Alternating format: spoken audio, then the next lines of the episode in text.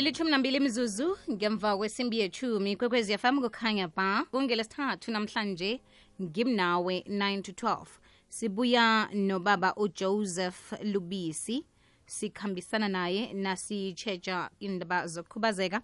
And-ke namhlanje sitshetsha ihlangothi lamehlo khubazeka emehlweni. Zosihlathulela-ke ubaba ujoseph lubisi ilithumi nesithandathu imzuzu ngemva kwesimbi yechumi sikhambisana nobaba ujoseph lubisi ovela esizanani association for the blind. Sitshetsha-ke ukukhubazeka emehlweni.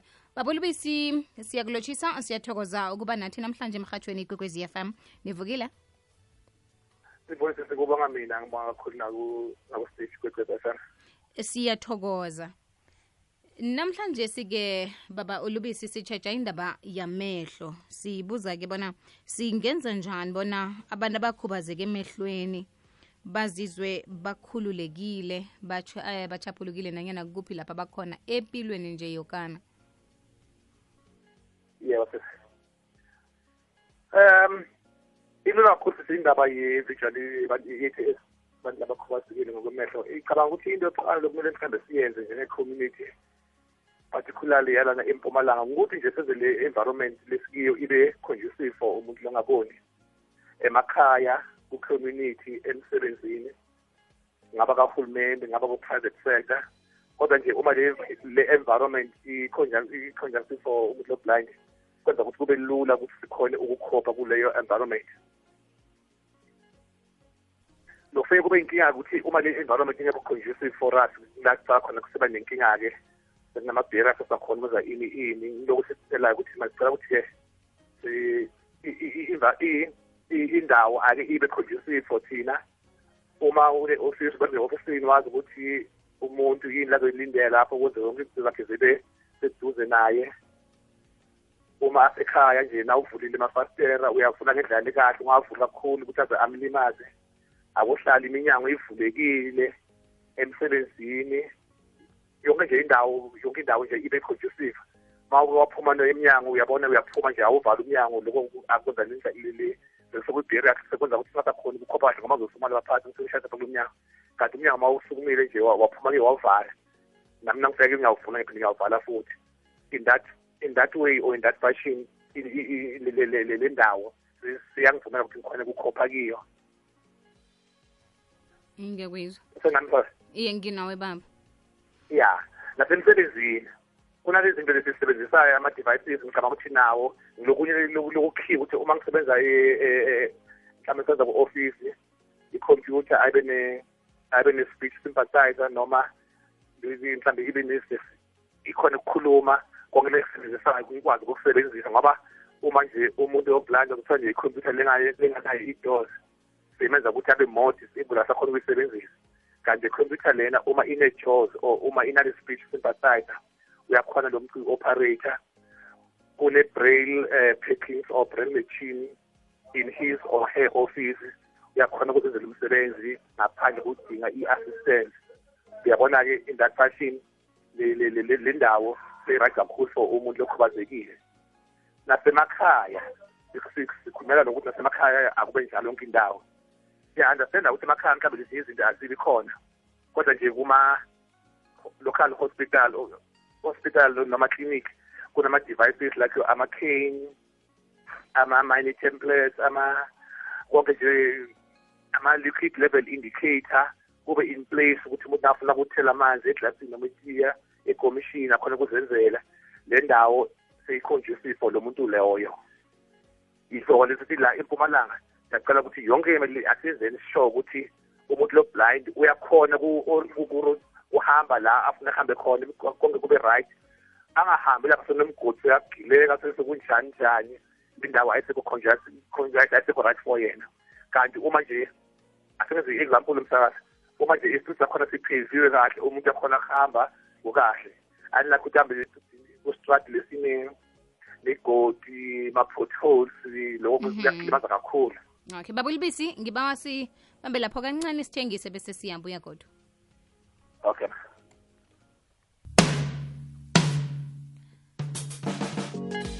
imatshumi amabili nanye imzuzu ngemva kwesimbi yechumi kwekwezi fm kukhanya ba. Sikhambisana nobaba ujoseph lubisi ovela isizanani association for the blind. Kanti-ke sikhulumisa indaba yokukhululeka namkha ukuchaphuluka komuntu okhubazeke emehlweni. Baba lubisi ngokubona kwakho ingakhani amakampani asesenokusaba ukuqatsha umuntu ongaboniko namkha bachaphulukile eh nakhona nangabe basesenokusaba isitshijilo esikhulu siba kuphi? Eh msakazi amakhampani asengasinzeli kahle asasaba. Kanye naye uhulumeni wethu naye usasaba. Lokho kusaba lokho kuba kulokuthi mhlawumbe sikubona njengestigma ngoba phela ikhampani inawo onke ama-resources la kungenza ukuthi bakhona ukuthenga zonke izinto lesingazidinga nohulumeni naye unayo yonke into langayenza sikubona njengestigma thina ukuthi-ke basingafuni ukuthi sikhuleke ngendlela le efanele ngasikhuleke ngayo. Uzokhumbula mhlawumbe uma sikhuluma ngekhampani sikhuluma sikhuluma asikhulumi mhlawumbe nge-truck shop into livaliwe sikhuluma lenkulu mhlawumbe ineminyaka leminingi i-operate angeke sibe ukuthi mhlawumbe uma sikhathi umuntu bese imnikeza lizinto layidingayo kulula kakhulu lokho. Kodwa nje sekukula kulo mkhumbulo wabo ukuthi-ke thina ake batshintshe lo mkhumbulo wabo ukuthi-ke umuntu longaboni ungomuntu njengabo asisi-expensive njengoba bona kasho. Ilula kakhulu emhlawumbe ifuna nje ukuthi bona basemukele then izoba lula kakhulu into ukuthi sibambisane siye phambili. O utsho ukuthi bayasaba. Ngizwa na ukhuluma ngokuba expensive. Kuza njani-ke lokho? Um ya bayasaba bayasaba ngoba bacabanga into leziningi bacabanga ukuthi sathengele le madivayisi aladurayo sathenge ini ini. Mhlawumbe lo muntu angekeaseze emsebenzini uzoba afuna loka naloka cha lokho angeke sikwenze thina. Uma uma size emsebenzini sizovukeka njengawo wonke umuntu ovukekelayo siya-understanda ukuthi umsebenzi usho usho ukuthini kithina as visual impact person. Uma sikasathola umsebenzi siyabamba sisebenze njengawo wonke umuntu provided kunazo zonke lezi zinto engazidinga. Uma kudingeka i-assistance lesibiza i-PA umqashi akaqinisekise ukuthi uyayifaka i-PA lapha ku-work environment so that uzokhona ukuthi ngikhona ukwenza umsebenzi wami ngalukhulu ukukhululeka. Those are the things engicabanga ukuthi baqhathi bese bayisaba ukuthi hey simqashi ulibisi manje kufanele ngibhadale ne-PA mhm. Nangabe babulubisi ngikhubazekile emehlweni um ngifuna ukulwela amalungelo ami emsebenzini namkha ngifuna ukuqatshwa ngiyazi ukuthi umsebenzi lo ngiyawufanelekela um ngineziqu ngifundile ngiphethe konke okudingekako. Ikinga sekukuthi angiboni. Isiza nani association for the blind yona ingisiza njani siyabonga msakazi sisebenzisana ne-ofisi lika-social development lelapha ka-eprimas office. Uma umuntu anenkinga mhlawumbe ukuthi afune kuyavela lapho amaphuzu abantu ba-aplaye uma mhlawumbe umuntu anenkinga yokuthi mhlawumbe akakhoni ukuqasheka ngoba kuna one two three sithatha leso sikhalo leso sisambe straight to the relevant kulo mnyango lofanele bese siyaqinisekisa ukuthi siyalandelela ukuthi-ke ley'mfuno zakhe bazi bazi bazi-attenda yini ngale ndlela kumele ukuthi ngabe kungayo. Siyaphusha kakhulu umsakazi ukuthi vele nakanjani abantu bethu abantu abaqasheke emsebenzini ngoba uzokhumbula uma singena embusweni ngo-nineteen ninety-four sathi people shall govern. Manje-ke uma sesingasagaveni asasinglobe sikhuluma lokhu sengileke language sasa-understand. That's why we are working hand and glove nohulumende wethu more especially la eprovinsini. Ngikuzwa kuhle. Alo-ke nifumane kanjani babulibisi? Um I'm just using inumber leyodwa nje. My number is 082 Mhm. 735 7765 eh ngiyathola sonke isikhathi le number kule nombolo lena. Uma nje abantu bangidinga they can use they can call me le number lena.